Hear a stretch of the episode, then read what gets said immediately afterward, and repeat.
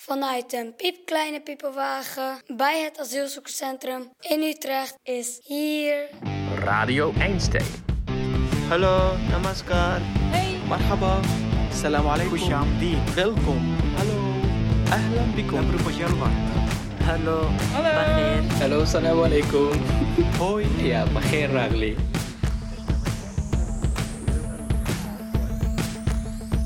Met vandaag de aflevering. Een nieuw thuis. Oké. Oké. We zijn in Utrecht, bij de gebroeders Sabawon en Geber. Ik ben Sabaon Karimi. Ik ben Gijber. En mocht je denken, hey, heb ik die jongens niet al eerder gehoord? Dat kan kloppen. Ik ben eigenlijk heel bekend op Radio Einstein, dus ik, ik hoef eigenlijk mezelf niet voor te stellen, maar ehm, als je hier bij ons zelfs binnenkomt, Ja, wacht, wacht. Want je, misschien denk je dat je heel bekend bent, maar er zijn nog een paar mensen die jou niet kennen. ja, daar heb je wel gelijk in. Even een voorstelrondje. We beginnen met Sabawon. Ik ben Sabaon Karimi. Sabawon is 16 jaar. Hij is de jongste en zeker de meest aanwezige van de twee. Toen hij klein was, had hij net als veel kleine jongetjes een droom. Maar hij droomde niet van een leven als profvoetballer of als brandweerman. Hij droomde ook niet van een dure auto. Oh ja, eh, het was eigenlijk vroeger mijn droom om zoveel, eh, hoe heet dat? Eh, ik ben... Deodorant. Uh, deodorant? Deodorant. Deodorant. Het was, deo. het was eigenlijk mijn droom om zoveel deodorant te hebben. Dus, ah, nee, zo is genoeg hoor. Ik heb mijn droom bereikt. Ik heb niet meer Je hebt wel echt veel, Oké, ik heb 1, 2, 3, 4, 5, 6. En twee zijn in de badkamer. Waarom? Ben jij bang dat je stinkt? Nee, nee, nee, nee, dit is gewoon mijn droom. Ik heb echt veel- erop, hè? Oh, nee, nee. Kijk maar, zo. Geber is 18 jaar. Hij is wat stiller, wat bedachtzamer dan zijn broer. En als we hem vragen wat zijn meest dierbare bezit is, zegt hij... Dit is mijn bureau, kijk. Dit. Mijn boeken, mijn schriften, dit papiertjes, alles. Om te studeren. Om te studeren, ja. Sabawon en Geber zijn geboren en getogen in Pakistan. Twee jaar geleden vluchtten ze samen met hun familie vanuit Pakistan naar Nederland. Ze kwamen terecht in de tijdelijke asielzoekersopvang in de Utrechtse wijk Overvecht.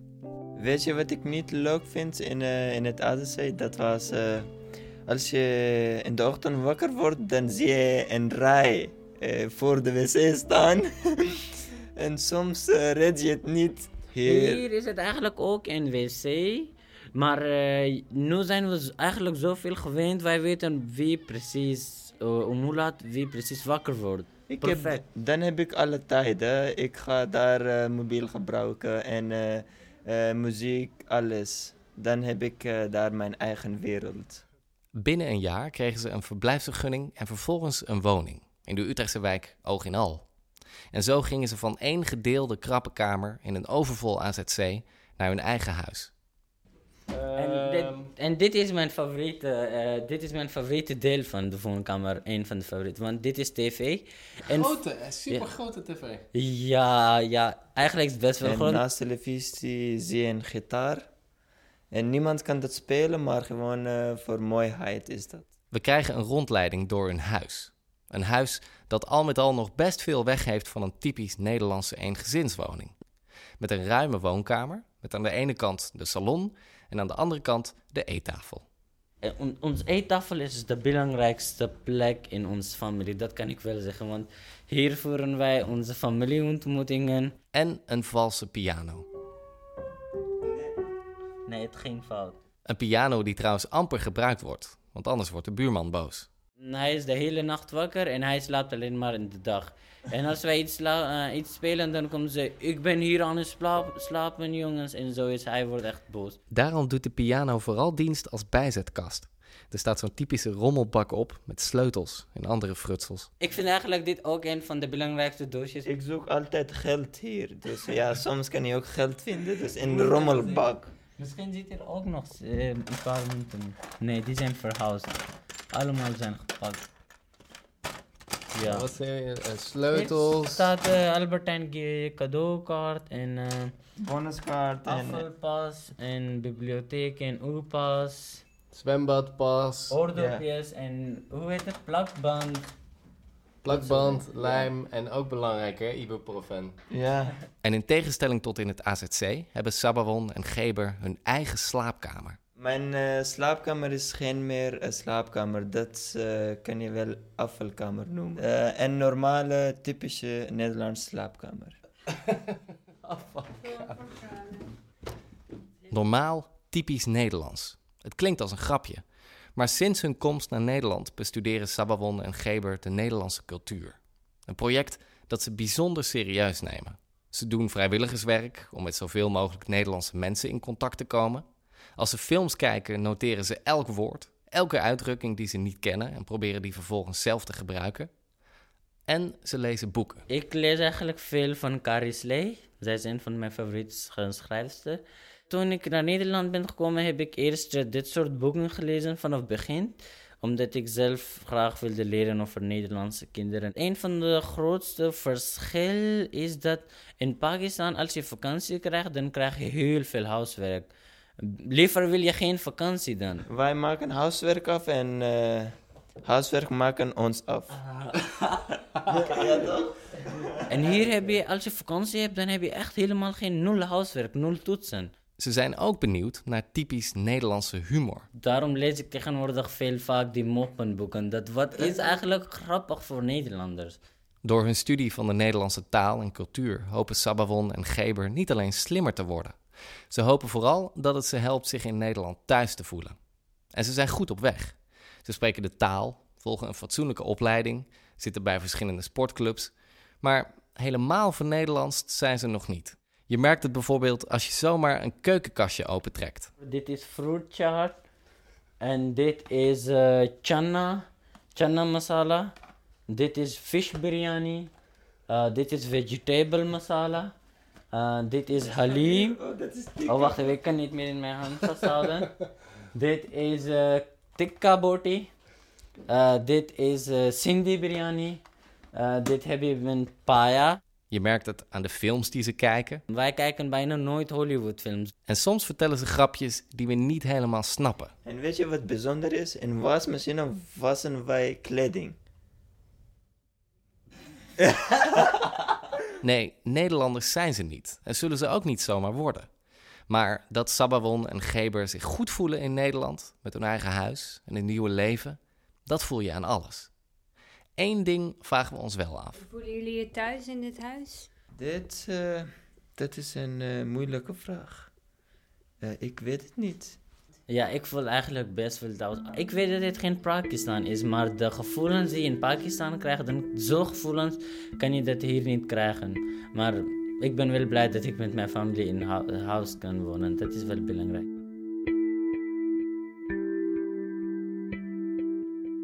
Op een steenworp afstand van het huis van Sabawon en Geber is het Utrechtse asielzoekerscentrum. Waar op dit moment zo'n 450 mensen dromen van het scenario van de Pakistaanse broers. Veel van hen zullen verzocht worden om Nederland binnenkort weer te verlaten. Sommige van hen zullen mogen blijven. Maar één ding hebben de bewoners gemeen. Ze zijn allemaal aan het wachten. In de tussentijd moeten ze er maar wat van maken. En als Sabawon en Geber al moeite hebben om zich thuis te voelen in hun huis, met hun eigen slaapkamer, hun deodorant en hun boekenkast, hoe zit het dan met de bewoners van het asielzoekerscentrum? Dit is Radio Einstein. Dit is aflevering 1 van seizoen 2. Het thema van vandaag: een nieuw thuis. En over thuis gesproken, dit is het geluid van onze nieuwe studio.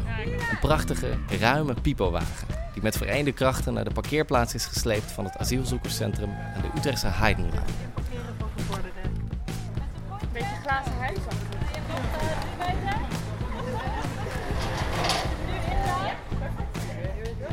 Ellie, you have the honor to open the radio studio. To open the radio studio. In die pipowagen interviewen we de bewoners van het AZC. En die interviews verwerken we vervolgens tot maandelijkse afleveringen van Radio Einstein. We, dat is Anne, Stefanie en ik. Ik ben nieuw. Mijn naam is Misha. En in dit seizoen van Radio Einstein volgen we een aantal bewoners van het asielzoekerscentrum van dichtbij. Soms van heel dichtbij. Hey, good morning. It's uh, it's 8 a.m. Just woke up. Still feeling so sleepy. It was long night last night. By the way, I'm Edie from Syria. De Syrische Eli is acht maanden geleden in zijn eentje naar Nederland gekomen. Eli is een rustige jongen van 27, met een bril, een zwarte baard en een vrolijke glimlach. Wij kennen hem vooral als de man die iedereen helpt. Hij is een tolk voor de bewoners die alleen maar Arabisch spreken. Hij doet met veel activiteiten mee op het AZC en iedereen lijkt hem te kennen. Elke keer als we Eli vragen of hij even tijd voor ons heeft, geeft hij hetzelfde antwoord. I'm always free, man. Maar na een tijdje ontdekken we dat dat niet per se waar is. Hij maakt altijd tijd. Het maakt ons nieuwsgierig naar hoe zijn dagen op het AZC er eigenlijk uitzien. Dus we geven hem een microfoon mee om een dag uit zijn leven op te nemen. Een dag die begint met hard gesnurk. Mm, I'm sharing my room with seven person. So that's life. Okay. Who was this snoring person? My friend. Actually, all of them snoring, but uh, all of them from Syria. But uh, it's nice because we have a lot of religious in the same room, like uh, Christian and Muslim and Kurdish, and uh, even in Muslim, Ismaili and uh, Muslim Sunni and Muslim uh, Shia. Yeah, so it's nice mixer. So it, it's the whole of Syria in one room. yeah, we can say that. In Eli zijn thuisland is er een burgeroorlog aan de gang. Maar niet hier. Hier deelt hij een kamer met zes landgenoten die gemoedelijk liggen te snurken. Now it's 8:45. I'm ready to start my day with my morning coffee and a good breakfast. Made some scrambled eggs with some creamy cheese. It's 10 past 10. I'm done with the fingerprints. De fingerprint, dat moeten we misschien even uitleggen. Eli heeft het over het vingerafdrukmoment. Het is vaste prik voor elke bewoner van het AZC. Elke donderdagochtend om klokslag 10 uur is er namelijk meldplicht. Every week. I don't know why. Because they want uh, to be sure that we are here in Netherlands. Show my uh, ID card and put it on machine. Then in another machine I have to put my fingers on it. And so, Does it do beep beep? no, suddenly I see like a smile face on the, on the screen. That's okay. Het is vooral ook een moment dat alle bewoners van het AZC samenkomen.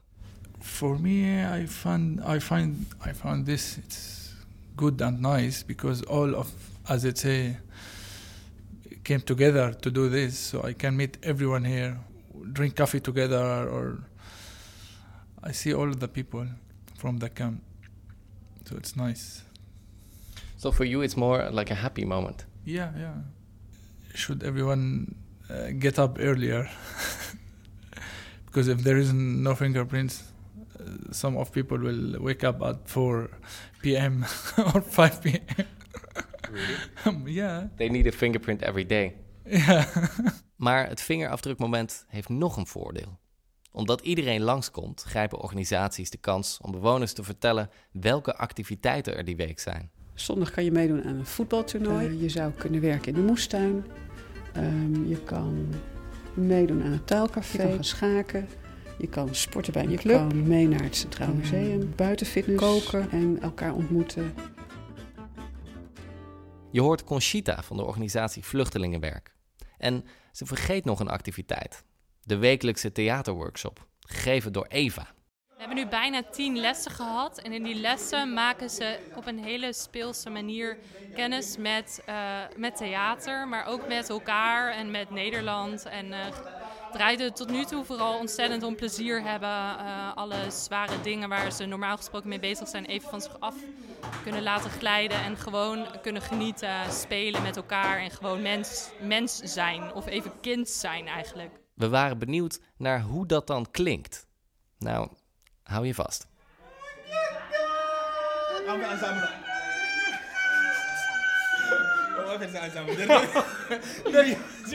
mia. Oh, ik kan net niet.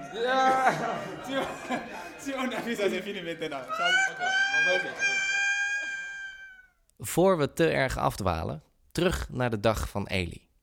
Hij heeft een afspraak met iemand van het COA, dat de opvang van asielzoekers regelt. Hey, it's half past twelve. Just done with my meeting. Mm, it went it went terrible. They didn't try to help me. Even I'm so furious now. No idea what I have to do. But I think I need to visit a lawyer. He might he might help me. Dit heeft misschien wat extra uitleg nodig. Eli is alleen naar Nederland gekomen. Zijn moeder woont nog in Syrië. En als je onder de 18 bent, dan kom je in aanmerking voor gezinshereniging. Zijn moeder zou dan hierheen mogen komen, omdat Eli een status heeft. Maar Eli is al 27. En dat is te oud. Vandaag in broodkruimels naar huis. Een dak is nog geen thuis. We hoorden Eli zojuist als bewoner van het AZC. Maar waar komt hij eigenlijk vandaan? In Broodkruimels naar huis luisteren we naar een herinnering van Eli aan zijn thuisland. Eli heeft de oorlog al eerder gehoord. De bommen, de schietpartijen. Maar het is altijd ergens anders. In andere steden, in andere wijken. Niet hier, niet bij zijn huis. Hier is het leger om hem te beschermen. Hier is hij veilig. Maar op een dag wordt hij wakker en is de oorlog dichterbij dan ooit. In zijn wijk, in zijn straat. Als hij naar buiten kijkt, ziet hij mensen met geweren lopen. Bombs and uh, shooting guns or something horrible, man. Het is tijd om te vertrekken. Eli neemt alleen een kleine tas mee met wat kleren. Hij blijft toch niet lang weg. Misschien twee weken, hooguit een maand. Het leger zal komen en alles oplossen en dan kunnen ze gewoon weer terug naar huis. Ze rijden naar een dorpje, zo'n 50 kilometer verderop, ver genoeg van de gevechten. Daar huurt zijn familie een huis, een groot en chic huis. Even this house in this village, it's more bigger and more nicer, but you don't feel like home. No. Even I'm safe in one house, but it's not feeling like I'm in home. It's not about roof. Zijn echte huis, zijn thuis, is in Homs. Geen rustig dorpje waar iedereen elkaar kent, maar een grote stad met bijna 800.000 inwoners. Zijn huis staat tegenover een kerk, de kerk van de heilige Joris. Daar was hij bijna dagelijks te vinden. Het is er nooit stil. De kerkbel, de moskee aan het eind van de straat, die vijf keer per dag tot gebed roept. De markt, de school, de bussen, de auto's. Twee weken gaan voorbij. Dan een maand. Dan nog een maand. Het wordt steeds duidelijker dat Eli voorlopig niet terug kan naar huis. Het is te gevaarlijk. It's old life, man. It's for 20, 20 years for me and for my mother. Uh, 40 or 50 years in the same house, the same street, the same school, and then suddenly you have to go and start a new life in another place. So it's something you can't. Something unbelievable. Het is niet alleen dat hij zijn oude huis mist, hij voelt zich ook niet welkom in zijn nieuwe huis. De mensen uit het dorp behandelen zijn familie alsof ze vreemdelingen zijn, buitenlanders. Ook al komen ze uit dezelfde omgeving en zijn ze christelijk, net als zij. Op de markt moet zijn moeder meer betalen voor de boodschappen dan de mensen uit het dorp. uh, tomatoes, like 4 kilo, 25 lira for people who came from Homs. Maar for people who are local, it's for like uh, 20 lira. Okay, so we noticed that they treat us like strangers and oh, they have a lot of money. You have to take more from them or something like that. Dan neemt Eli een drastisch besluit. I don't believe in God anymore. If he is, exists, he can do something, but I think he can't, or he he is he is not exist at all.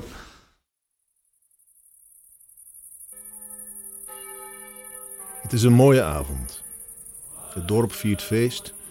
Een groot christelijk festival voor de Heilige Maagd Maria.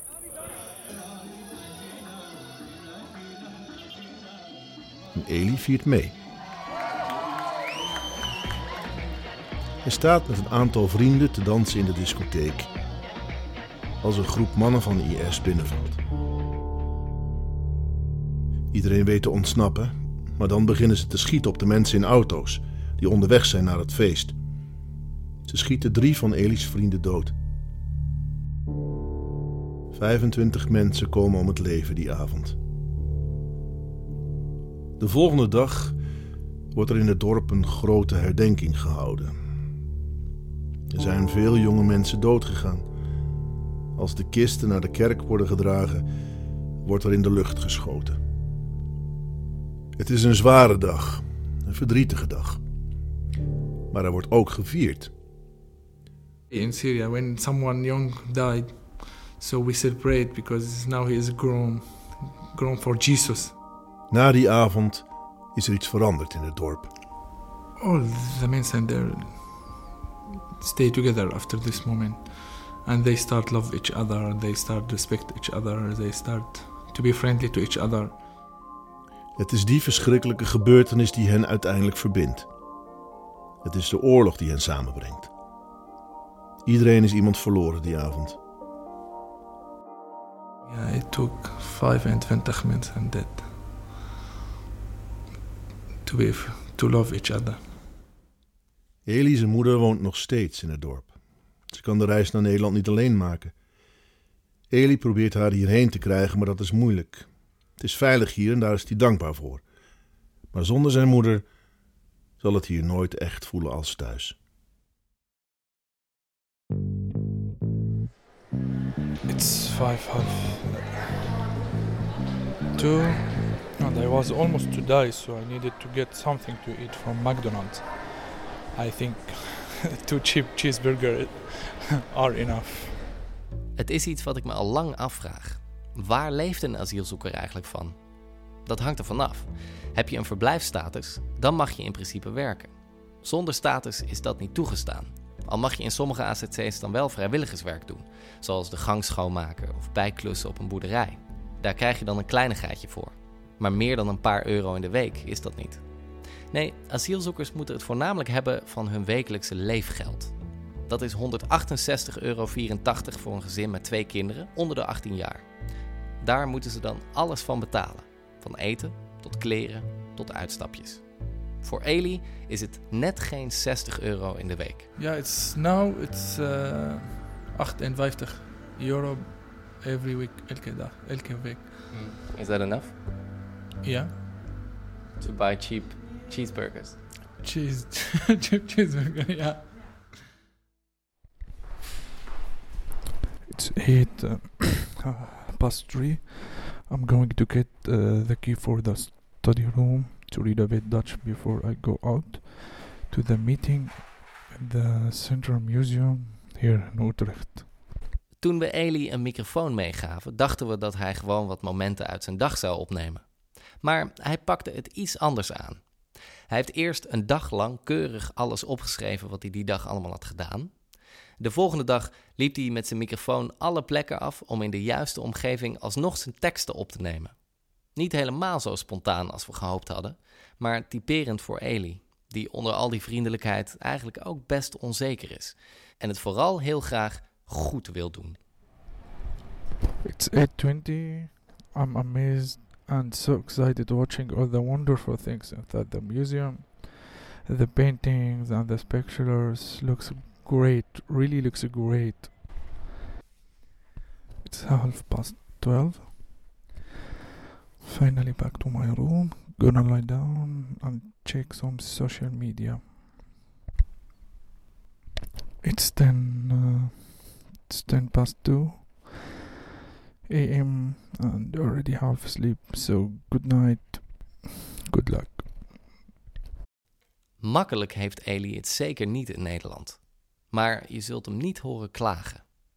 Sinds hij hier woont, heeft hij iets waar hij in Syrië alleen nog maar van kon dromen. And then, um, uh, do you feel home in the Netherlands? Yeah, peaceful. Like peace. You, you feel like home. You are in peace. Nothing, nothing dangerous about uh, around you. You are living in peace way. No war, no hate.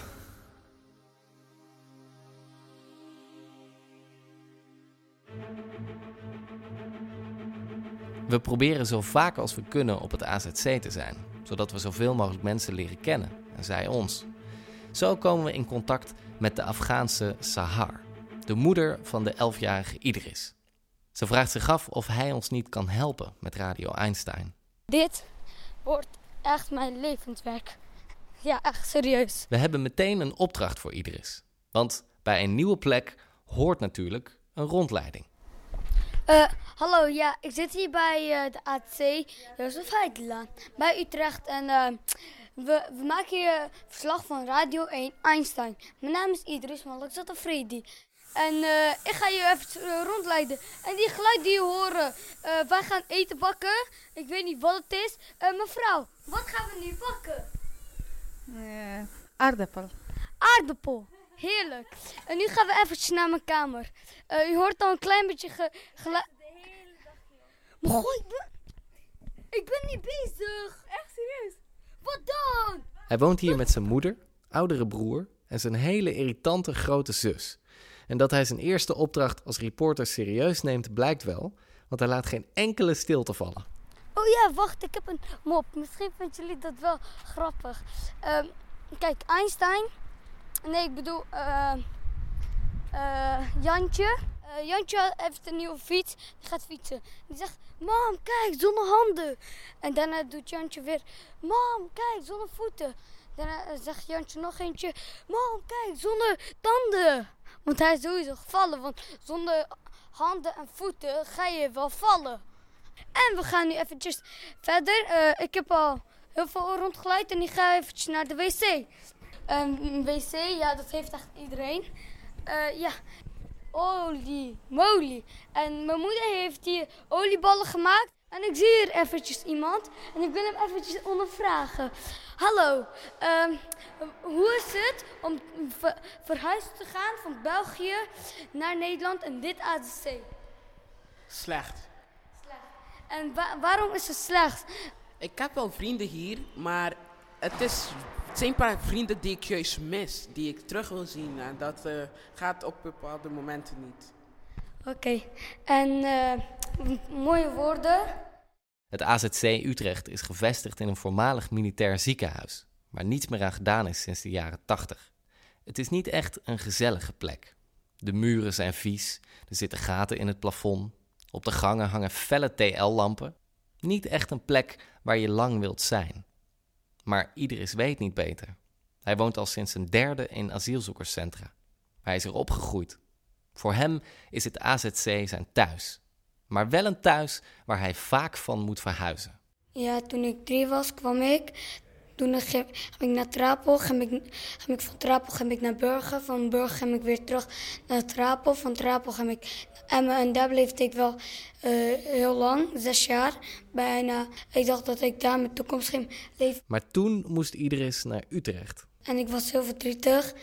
Uh, want ik had daar vrienden en die gingen toen ook weg. Maar ik had nieuwe vrienden, die zijn er nu nog steeds. Gaan in deze vakantie gaan ze weg. Dat vind ik heel jammer, want ik wil hier niet uh, blijven alleen zonder vrienden en zo. Maar, maar probeer je dan zo te leven dat je geen vrienden nodig hebt? Nee, dat probeer ik niet. Ik probeer veel vrienden te maken. En ja. Maar, of probeer je zoveel vrienden te maken dat je dan, als er een paar weggaan, dat je er dan nog over hebt? Ja, zo, dan probeer ik daarna, of ik niet van heel veel af, afscheid te nemen, want dan gaan een paar weg. Daarna heb ik nog veel meer vrienden. En daarna gaan hun dan weg, dan heb ik nog veel meer. Dus je probeert eigenlijk gewoon duizend miljoen vrienden te hebben? Uh, nee, dat niet. Dat is echt veel te veel. Hoeveel vrienden heb je? Ik heb er tot nu uh, hier, heb ik er 1, 2, 3, 3, ja 3. Met één van die vrienden vervolgt Iris zijn rondleiding. Uh, we laten eventjes jullie de hele ATC zien. Wacht, ik zie hier nog een iemand. En hoe dat. Uh, we gaan hem vragen. Wat is hier leuk nou aan hier te zijn in uh, de, uh, de ADC en waarom jullie hier voetballen? hier is het leuk omdat hier heel veel vrienden maken. Zo voetballen echt heel leuk. ja, met een Belgische accent. Uh, we zien eventjes een blinde man. Uh, we gaan hem niet met hem praten, want dan kan hij ons niet zien. Dus daarom. En misschien vragen jullie af, hoezo doet een kind nou de werk van radio, uh, radio Einstein? Ik vind het best wel leuk, want je komt dan op radio en het is het jammerste dat ik niet betaald krijg. Ik, ik, doe dit eventjes om te uh, laten weten hoe het is om een asielzoeker, uh, asielzoeker te zijn en hoe erg het kan zijn. Als je heel lang hier woont, zes jaar, en daarna, je, je hebt wel heel goede vrienden en je, je bent echt bijna je taal vergeten. En dan zeggen opeens die mensen, je moet weg. Ik kom, ik kom oorspronkelijk uit Afghanistan. Daar is oorlog. En als ik daar opeens weer terug moet, daarna is het heel naar. Want misschien word ik weer, weer dood. En dat heb ik geen zin in.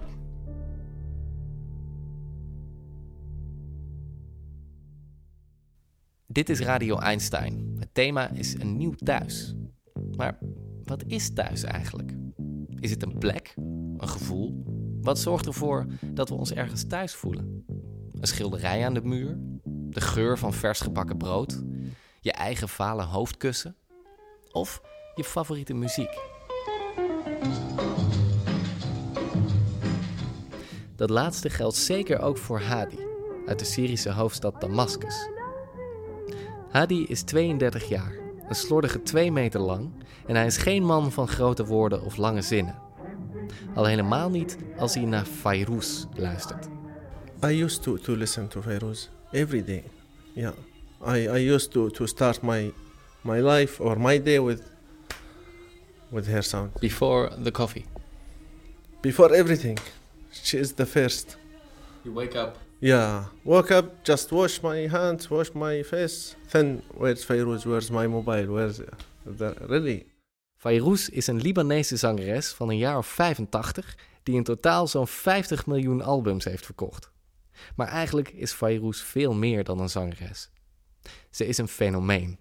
Het geluid van het Midden-Oosten. Yeah, of course. If you go to the Middle East, to Syria, to Lebanon, to Jordan, to Palestine, I think, and to other countries also.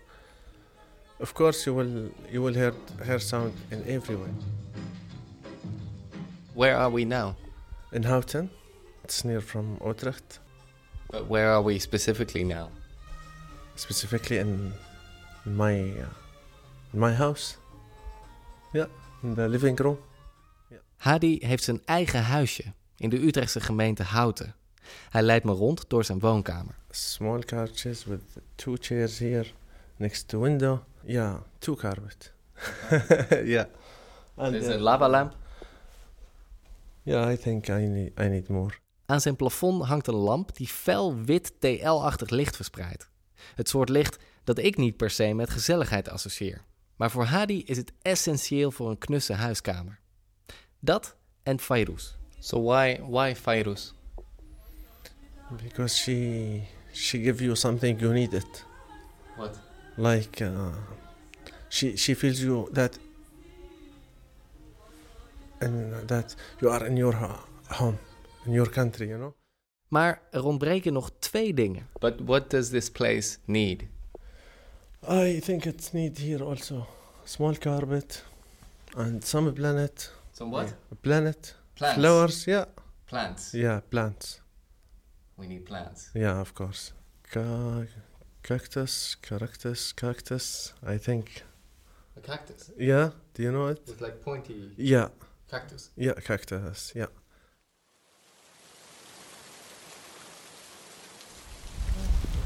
Sorry for my bad English. No, your English is perfect, man. Yeah.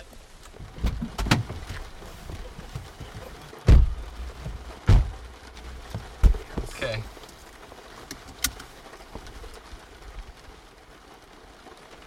It's nice inside the car, isn't it? Yeah. I like the sound of the rain. Omdat Hadi graag een plant wil, heb ik hem uitgenodigd voor een klein tripje in mijn auto. Naar een plek niet ver bij hem vandaan. Het Houtense plantenasiel. Zo. I told you that I need a big cactus. but here I found mini cactus.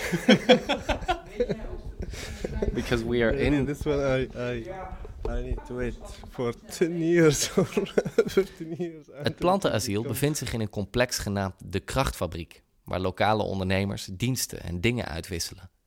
Eén bescheiden hoekje is gereserveerd voor het plantenasiel. Aanvankelijk is Hadi een beetje teleurgesteld.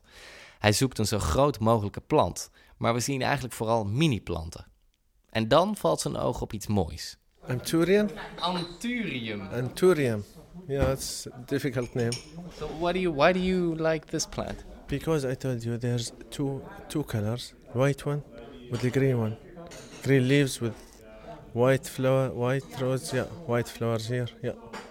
She has in every branch she has one up. Up. Hadi breekt per ongeluk een prachtige witte bloem af. What did you do, man? Nothing. Not from me. He just, Yeah. he just killed a flower. But I'm going to take it. really, I will buy it. Yeah. Nu hij zijn keuze heeft gemaakt, zoekt Hadi de verantwoordelijke van het plantenasiel. Ze blijkt Karin te heten. En ze legt ons graag uit waarom er zoiets is als een plantenasiel. En omdat planten net als mensen, want dat, dat is wat het overeenkomt met de krachtfabriek, planten ook een, een nieuw leven, een tweede leven verdienen. En Wat, wat gebeurt er dan met veel planten? Nou ja, wat je ziet is dat mensen zijn planten zat, of ze doen het niet, of eh, een plant heeft gebloeid, zoals orchideeën. Die bloeien en dan eh, eh, na de bloei vinden mensen er niks meer aan. En dan denken ze, ja, dat komt toch niet meer in de bloei. En mensen doen vaak planten weg dan. Ja, of op straat of gewoon weggooien in de kliko. En eh, hiervan is het idee dat je een, eh, een plant kan brengen, ook een plant die het niet zo naar zijn zin heeft bij jou thuis. En dat er iemand anders hem weer adopteert en daar vervolgens weer blij mee is. Maar je moet niet meteen denken dat je ho- 100 planten meeneemt. Nee, je mag één plant per persoon per maand. En dat is ook eigenlijk om ervoor te zorgen dat, het voor iedereen, eh, dat er voor iedereen een plant uit te zoeken is. Het, het enige wat ik wel dan een beetje eh, eh, eh, komisch, misschien ook ironisch, is de naam plantenasiel. De gedachte is natuurlijk heel nobel. Ja, ja. Het is wel een beetje ironisch, want deze jongen hier... Ja, dat hè, snap ik nu. Ja, ja, ja. Hij zat tot voor kort in een asielzoekers... Centrum. Ja, ja, ja. Ja, dus dat is wel, ja, dat is wel een beetje een, een rare... Nou ja, kijk, en hij is natuurlijk niet... Het is niet zo dat, dat iemand hem kwam eh oppikken. Nee, dat is, dat is dan weer jammer. Hadi kijkt ons vragend aan. Dus Karin legt hem uit waarom het plantenasiel een plantenasiel heet. It's a, a different kind of asiel as the word you know. Uh, asiel stands for when you don't have a home. Homeless. Yeah, this one. homeless. These plants are also kind of homeless. Tijdens ons gesprek kijkt Hadi de hele tijd naar de andere kant van de ruimte, waar een gigantische ficusboom staat. Hij vraagt Karin of hij die misschien ook mag adopteren. Ze belt even met de eigenaar en dan... Nieuws? Er is nieuws. The news is yes. The answer is yes. You can adopt a big uh, plant for 25 euro. thank if you. that's okay for you. Even later zitten we weer in de auto. Er staat een kleine plant op de achterbank en Hadi heeft een boom van zo'n 2,5 meter tussen zijn benen staan, die noodgedwongen een meter boven de auto uitsteekt. Een voorbijganger aanschouwt ons met een verbaasde blik in zijn ogen. Wat, denk, wat denkt u, meneer? ik heb er nooit zoiets gezien, maar wel leuk. Wat, wat, wat zie je? Nou, een hele grote boom uit een auto. ja. Maar het is zijn nieuwe boom. Ja. Hij heeft hem geadopteerd. Nou, dat gaat goed komen. Alleen voorzichtig rijden. Door de boom kan het portier aan de passagierskant niet meer dicht. Dus Hadi houdt hem angstvallig vast en ik moet langzaam rijden. Het voelt nogal illegaal. En hopen, geen- en hopen geen politie onderweg. Nee, dat hoop ik ook. Hou je gelijk aan, hij een boom. Wordt een duur waar? geplant. Oké. Oké. Dankjewel hè. Oké, bedankt. Fijne dag verder. Veel plezier. Goed, eh. veel plezier. Enjoy your plant. Thank you so much. Thank you. Bye. Je eigen plant. Een kamer die je niet hoeft te delen met snurkende huisgenoten. Wakker worden met de muziek van Fairuz. Thuis is meer dan een huis. Veel meer. Zoveel is ons wel duidelijk geworden tijdens het maken van deze editie van Radio Einstein. Asiel is het Griekse woord voor toevluchtsoord. Maar asielzoekers zoeken niet alleen asiel, maar zoeken vooral een nieuw thuis. Misschien kunnen we ze beter thuiszoekers noemen. Als je denkt aan Pakistan, wat is het eerste waar je dan aan denkt? Eh, gewoon gelijk vrienden. Niks anders dan gewoon vrienden. En jij, wat is het eerste? En ik denk aan eh, een soort vrijheid. En eh, ik bedoel niet dat ik hier niet vrij ben, maar daar eh, bijvoorbeeld, je spreekt je eigen taal. Ik denk dat je wel dan Nederlander wordt als je hier langer dan in Pakistan. Maar in je hart? En in je hart kan je nooit veranderen. Hart en DNA. Ik ben opgegroeid als een Pakistaanse jongen. Eh, dus eh, dat, dat kan ik nooit vergeten. Nee, nee, ik kan niks vergeten, maar ik kan wel nieuwe mensen leren kennen, nieuwe kennis krijgen. En dat vind ik geweldig.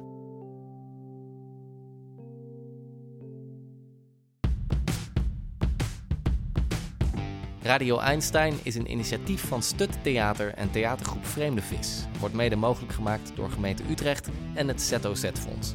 Volg ons op Facebook, Instagram of op radioeinstein.nl en abonneer je zodat je meteen op de hoogte bent als er een nieuwe aflevering online staat. Radio Einstein wordt gemaakt door mij, Micha Kolen. De eindredactie wordt gedaan door Anne Hogewind, de montage door Stefanie Bonte en de artistieke begeleiding door Lilian Vis-Dieperink. Met dank aan Sabaron, Geber, Eli, Idris, Hadi en Ron van Lente, de stem van Broodkruimels. Tot de volgende keer.